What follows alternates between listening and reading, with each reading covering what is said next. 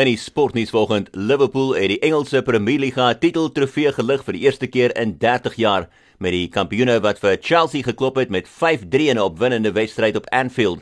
Dit beteken Chelsea het nou 'n punt nodig van hulle laaste wedstryd Sondag tuis teen Wolves om hulle plek te bevestig in die top 4.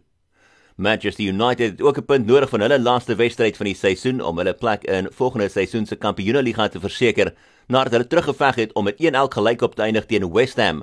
Ole Gunnar Solskjaer se span skuif op na derde. Hulle is 'n punt voor Leicester wie hulle Sondag aanpak in hulle laaste wedstryd.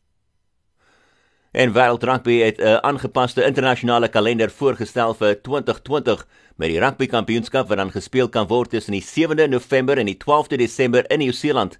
'n Vensterperiode vir die afhandel van internasionale wedstryde in die noordelike halfrond is ook voorgestel, insluitende die ses nasies. Die kragmeting sal dan kan plaasvind tussen die 24ste Oktober en die 5de Desember.